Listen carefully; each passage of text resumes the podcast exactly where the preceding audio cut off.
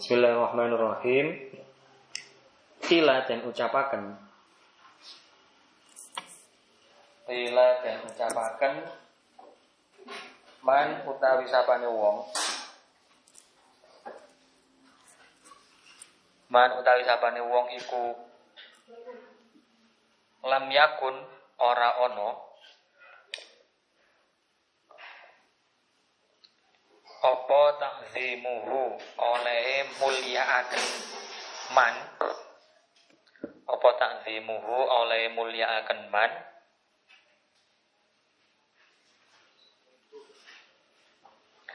Ba'da alfi marrotin ing dalem sakwuse sewu ambalan.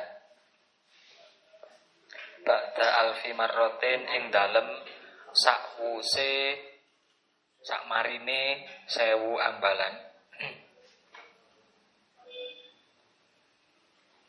Iku kata ozimihi koyok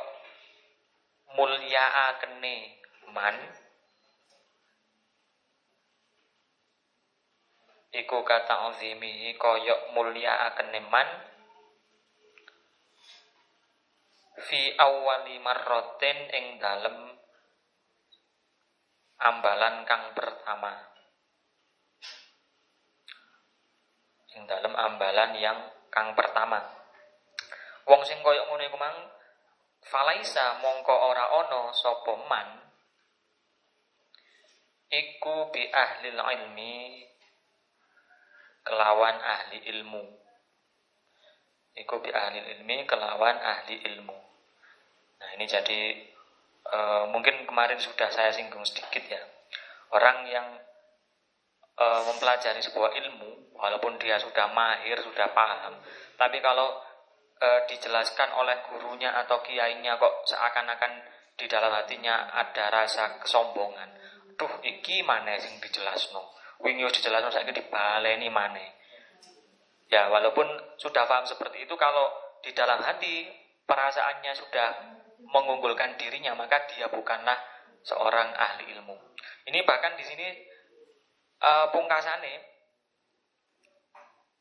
barang siapa orang yang ketika mendengarkan sebuah materi, sebuah penjelasan, itu dia takzimnya terhadap materi itu tidak seperti dia takzim ketika mendengarnya pertama kali, maka dia bukan seorang ahli ilmu. Walaupun materi itu diulang sampai seribu kali.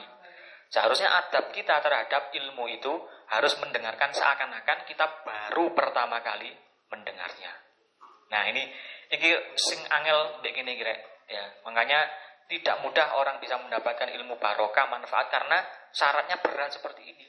Ya, gini ini kan tidak mudah diakui atau tidak. Misalkan zaman di sekolah pelajaran matematika penjumlahan.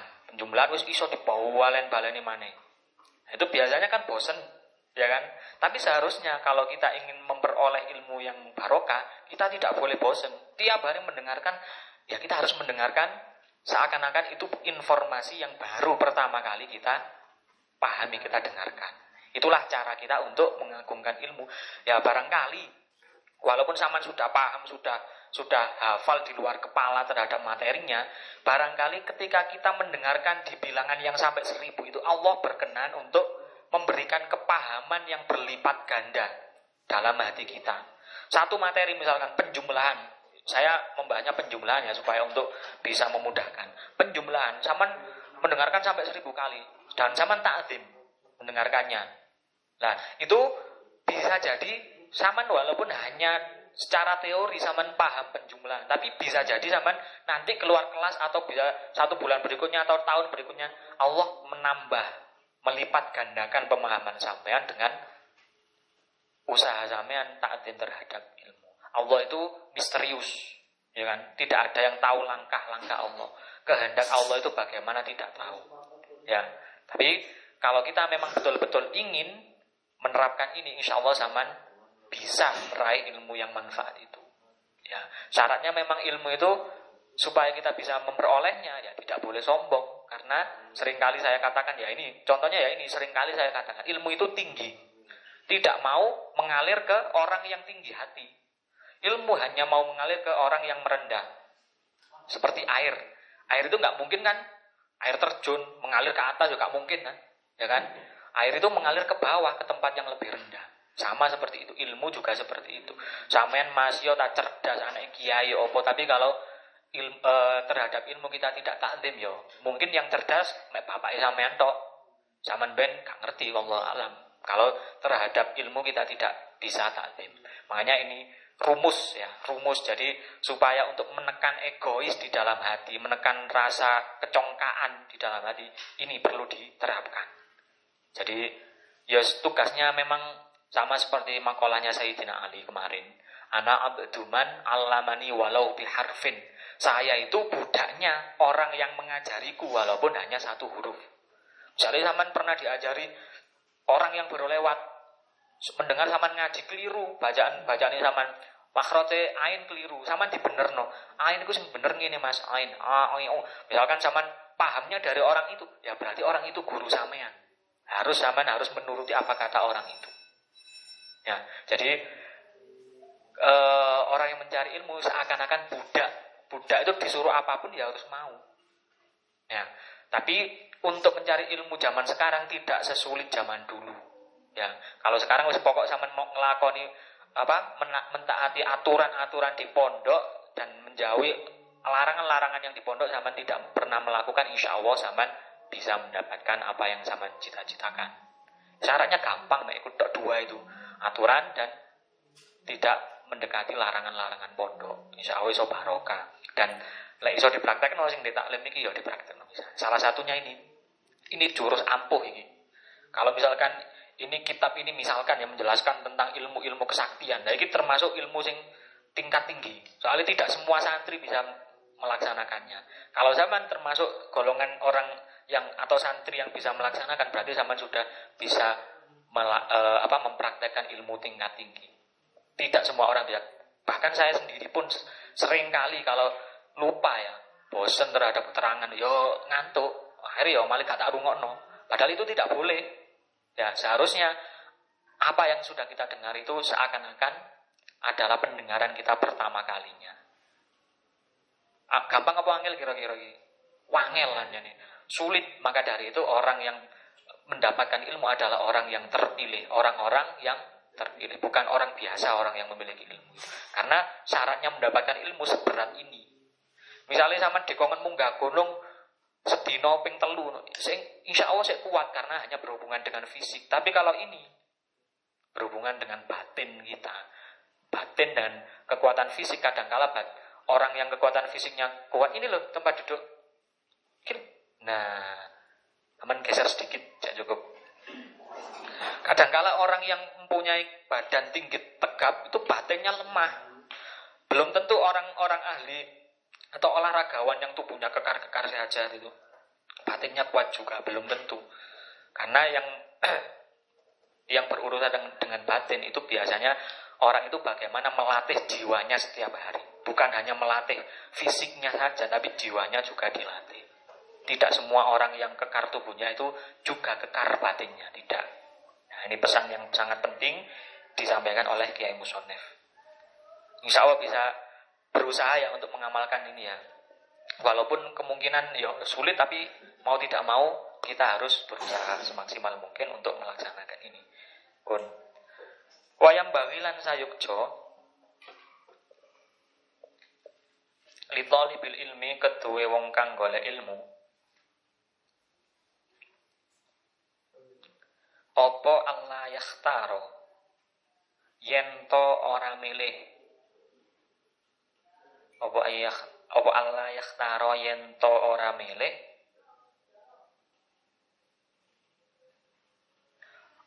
Nau'a ilmin ing maceme ilmu binafsihi kelawan awak dewene tolib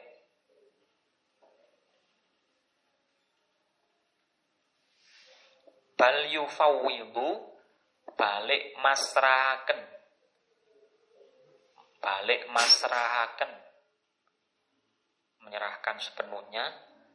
Sopo tolib amrohu ing perkarane tolib amrohu ing perkarane tolib ilal ustazi maring guru kenapa bisa begitu? Fainal ustaza krono sak temene ustad guru iku hasola hasil lahu kedue ustad opo at-tajarubu percobaan. Opo at-tajarubu percobaan fi dzalika ing dalem mengkono. Ing dalem mengkono milih ilmu. Fi dzalika ing dalam menggunung milih ilmu. Wa wa arafa lan ngerti sapa ustad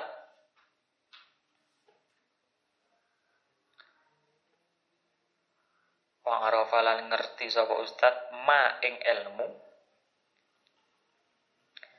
yang bagi kang patut apa ma yang bagi kang patut apa ma likulli ahadin kedue saben-saben wong suwiji. Kedue saben-saben wong suwiji. Wamalan barang yaliku kang cocok apa ma? Yaliku kang cocok apa ma? Bitobi atihi kelawan tabiati tabiat itu watak ya. Kelawan wateke tolib kelawan wateke tolib nah ini berikutnya hal yang perlu diperhatikan dan dilakukan oleh para pencari ilmu adalah layak taro nawa ilmin. Tidak memilih jenis ilmu yang dia inginkan sendiri. E, bal amrohu. Tetapi memasrahkan atau menyerahkan urusan kurikulum. Ini kan pembahasannya kurikulum. Kurikulum tentang ilmu apa saja yang seharusnya saya pelajari kepada gurunya kepada ustaz ya karena apa? Fa'inal ustaz qad hasala lahu tajarub karena sesungguhnya guru ya dewan guru atau kiai pengasuh pondok itu sudah melakukan berbagai macam ujian. Maksudnya percobaan ya. Oh arek sing setas melbu pondok gak langsung dikei pelajaran imriti atau alfiyah misalnya. Si belajar nahwu sing awal-awal misalnya apa nahwul wate atau jurumiyah ya. Atau malah yang baru baru bisa menulis Arab diajari dulu cara imla nulis Arab sing bener orang moro langsung dikongkon maknani kitab gondol ya orang iso ya itu diuji bertahun-tahun oh berarti setelah menemukan pakem atau e, apa resep yang cocok bagi anak yang baru masuk dan kemampuannya belum belum bisa sama sekali nulis, seharusnya diajari nulis dulu. Oh, ternyata kalau misalkan si A, si A ini ternyata di rumahnya sudah pernah ngaji. Di tes sudah bisa sedikit membaca kitab. Oh, ya sekap popo naik langsung kelas 2. Nah, itu kelas 2 kan pelajarannya beda dengan kelas 1. Nah, itu semua pelajaran yang ada di pondok sekarang itu menerapkan apa yang disampaikan di taklim ini. Yaitu urusan kurikulum semuanya dewan pengasuh dan dewan guru yang menentukan. Kita tidak boleh memilih. Zaman sekarang kelas 2, saya tuh gak kepingin wis taklim wis langsung Ihya Ulumuddin. Ngerti Ihya Ulumuddin zaman? Kitabnya karya fe, apa fenomenal Imam Ghazali yang empat juz tebel-tebel itu. Itu pembahasan batin yang luar biasa isinya. Ya kurung wayai ya. Taklim saja masih banyak yang belum bisa kita terapkan. Mana ihya. Nah, karena itulah kita ketika masuk dalam pondok, oh saya masuk kelas ini, pelajarannya ini, ini, ini, ini, ini, ya sudah diterima saja. Walaupun misalkan ya, misalkan sudah pernah belajar di rumah, ya kak popo, balik sing koyok mang mane, walaupun sudah diulangi sampai seribu kali, bagaimana takdim kita seakan-akan itu baru pertama kali kita mempelajarinya. Nah ini salah satu adab juga supaya kita tidak merasa sombong karena kalau hati sudah sombong ya tadi itu ilmu nggak akan mau masuk ke dalam hati kita. Ya. Paham ya tentang ini ya. Jadi kurikulum pemilihan tentang materi atau pelajaran sudah kita serahkan sepenuhnya pada guru. Podo sama sekolah deh, sekolahan umum. Ya, masuk misalkan SMK, masuk jurusan apa misalnya TI, Wes kadung mlebu TI, waduh, ternyata saya nggak cocok TI. Wes saya ingin belajar jahit saja. Ya kak iso tahu sama kadung mlebu TI kok. Katanya milih jahit ya kak iso sudah. E, kalau memang ingin pelajaran jahit ya harus keluar dari kelas TI dulu dengan urusan administrasinya. Nah, jadi semuanya harus diserahkan kepada dewan guru ya. Karena guru itu tahu dan sudah melakukan berbagai macam uji coba tadi. Dan seorang guru yang arif, yang arif bijaksana itu pasti tahu kebutuhan ilmu dari seorang santri itu bagaimana. Yaitu tadi, kalau yang baru masuk itu biasanya diajari baca Quran dulu sampai benar cara nih sholat, terus cara nih nulis, nyambung huruf Arab. Ya kan seperti itu. Dulu zaman masuk ke pondok ini kan gitu ya awal-awal. Gak langsung sama moro no kita kuning ngawabut. Wah, ya gak nutut tambahan. Ya itu. Itu guru itu tahu masing-masing watak dan tabiat. Belum tentu anak yang sudah berumur 15 tahun itu sudah bisa nulis Arab soalnya. Jadi tidak berpatokan umur. Kan di sini macam-macam. Ada yang umur 13, ada yang 16, macam-macam ya. Belum. E, jadi patokan pelajaran yang dipelajari itu bukan didasarkan pada umur tapi pada kemampuannya dan pada wataknya masing-masing individu. Wan wakana lan ono sop asyaikhu al imamu al ajal al ajallu kang agung al ustad syaikhul islam burhanul haq waddin julukane burhanul haq waddin rahimahullah taala. Artinya rahimahu muga melasi ing syekh. Ini doa rahimallah kalau ada ulama terus kemudian di belakangnya ada rahimahullahu. Itu maksudnya kita mendoakan pada beliau. Rahimahu muga melasi ing syekh sapa Allah taala. Iku yakulu dawuh sapa syekh. Kana ono Sopo batul ilmi? Piro-piro wong kang golek ilmu? Fiz zamanil awali ing dalam zaman biyen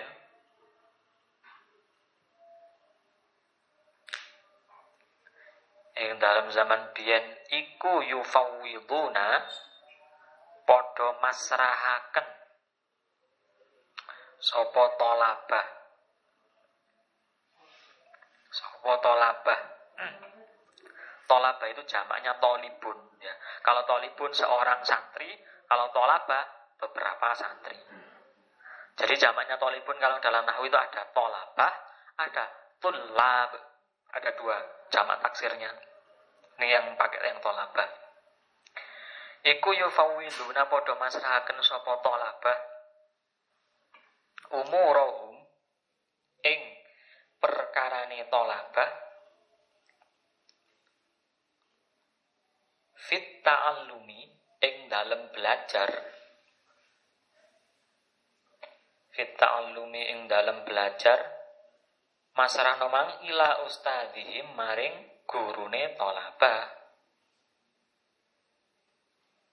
akhirnya wakanulan ono sopo tolabah iku yasiluna bisa tumeka. Sapa talabah? Iku yasiluna bisa tumeka sapa talabah? Ila maqsudihim maring maksude talabah. Wa muradihim lan kehendake atau karpe tolabah.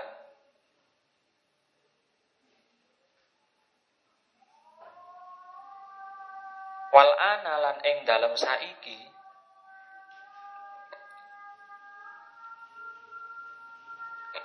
iku yakhtaruna padha milih sapa tolabah bi fusihim kelawan awake dhewe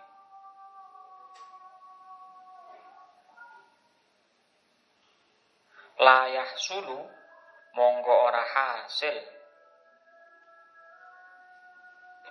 Apa maqsuduhum maksude tolabah. Minal ilmi sangking ilmu. Minal ilmi sangking ilmu wal fiqhi lan fikih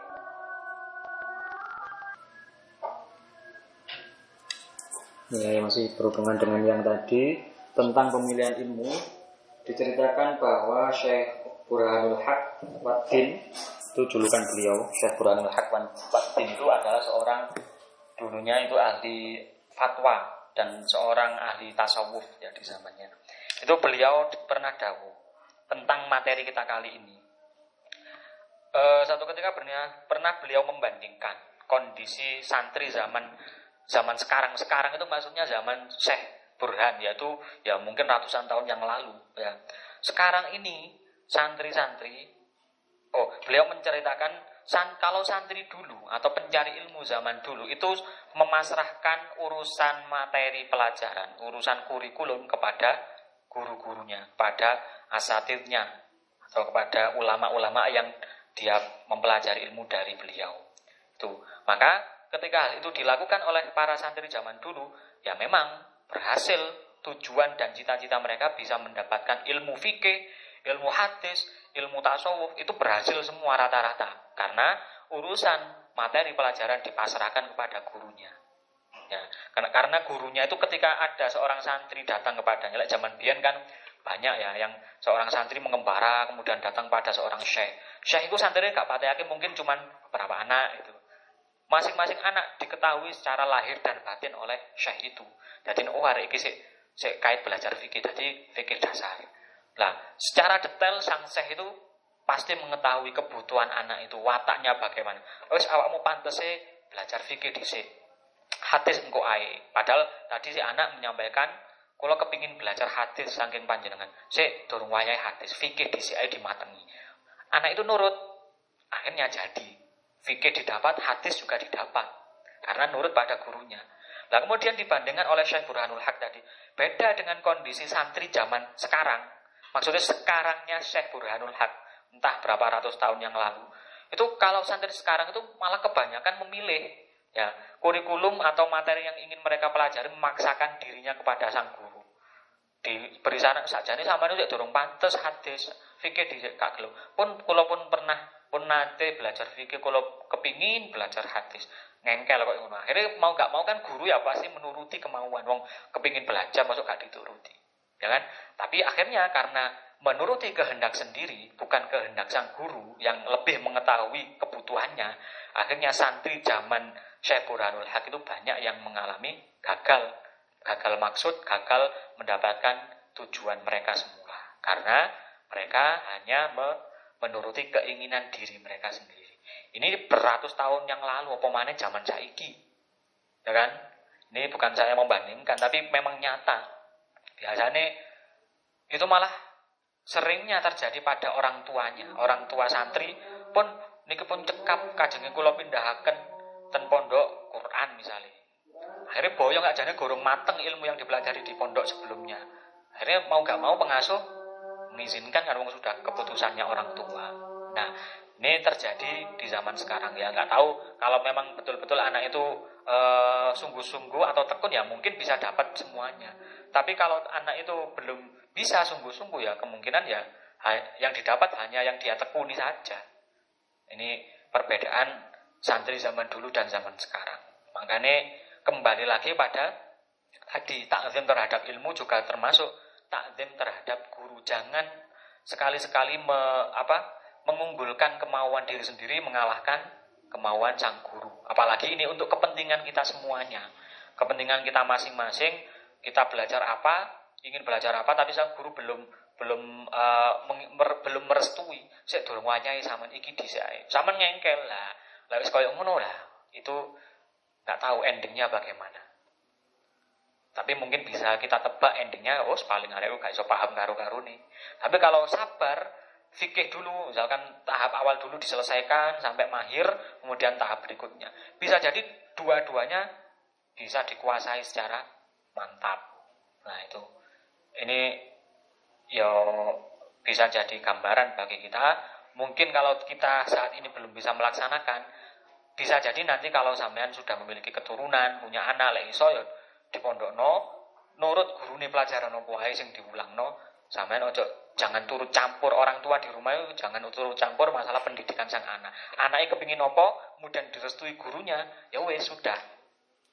Misalkan anaknya kepingin mondok uh, Quran ya biarkan mondok Quran mondok Quran, kemudian sang guru memberikan materi apa dulu ya terserah. Pokoknya kita nggak ikut campur materi yang sudah ada di pondok itu. Sebagai orang tua sebaiknya seperti itu.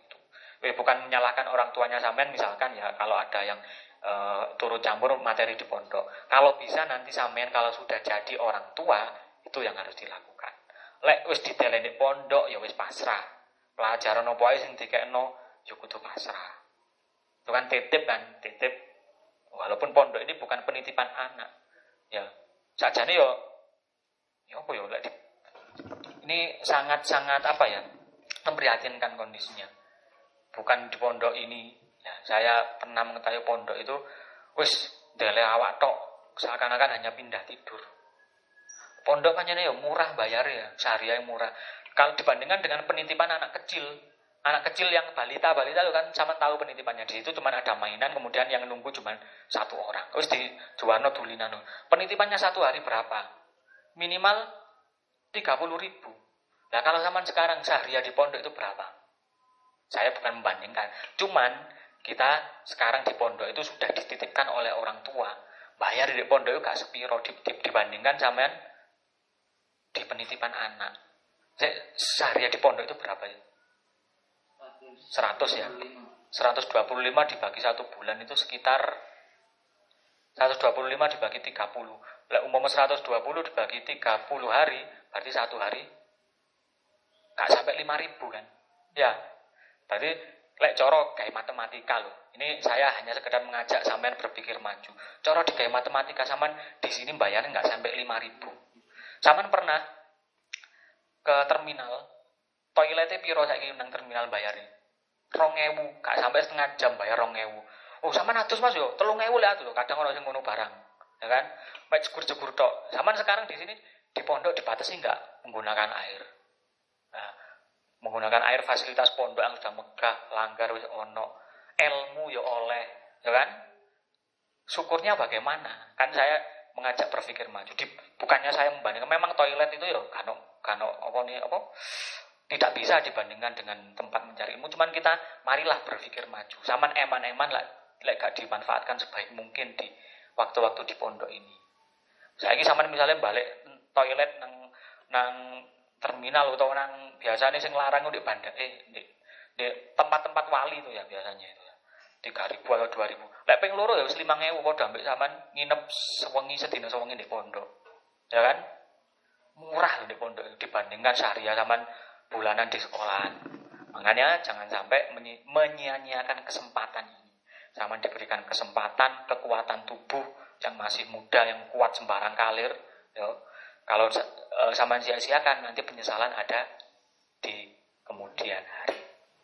Itu saja ya. Jadi e, seharusnya cara bersyukur terhadap waktu yang sudah kita miliki ya dengan mempergunakannya sebaik mungkin untuk hal-hal yang positif positif bagi kita sekarang dan bagi kita nanti.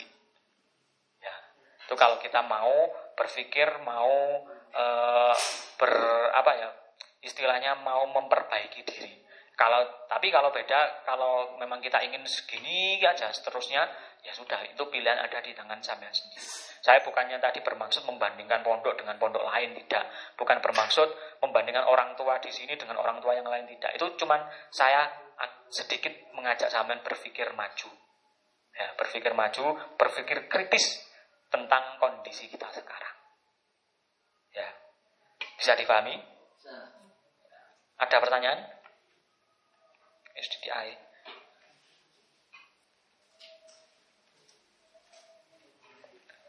Paham nomor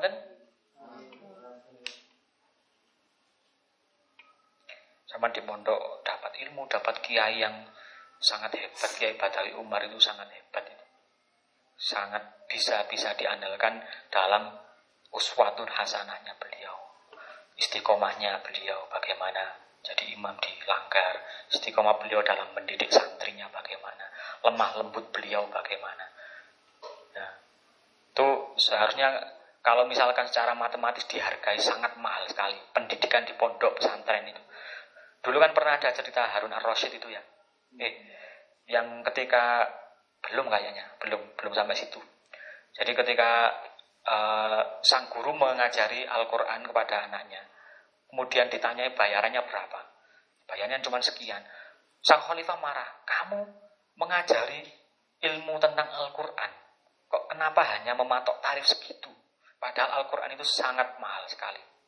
Kenapa kamu tidak meminta uh, emas dan berlian yang seharusnya aku bisa memberikan? Kenapa kamu hanya minta seperti itu? Khalifah Harun ar-Rasyid, presiden di zaman itu. Marah ya, marah, marah karena beliau sebagai raja kok ada orang yang mengajarkan Quran tapi men, men, apa, meminta bayaran ya seharusnya lek api kayak gak meminta bayaran tapi itu ya wis ditakoi seperti itu menjelaskan biasanya segini segini segini itu dijelaskan tapi dimarahi oleh khalifah. Kok murah men? Mulang Quran kok murah men? Karena apa? Ilmu yang dipelajari di pesantren itu sangat tidak ternilai harganya.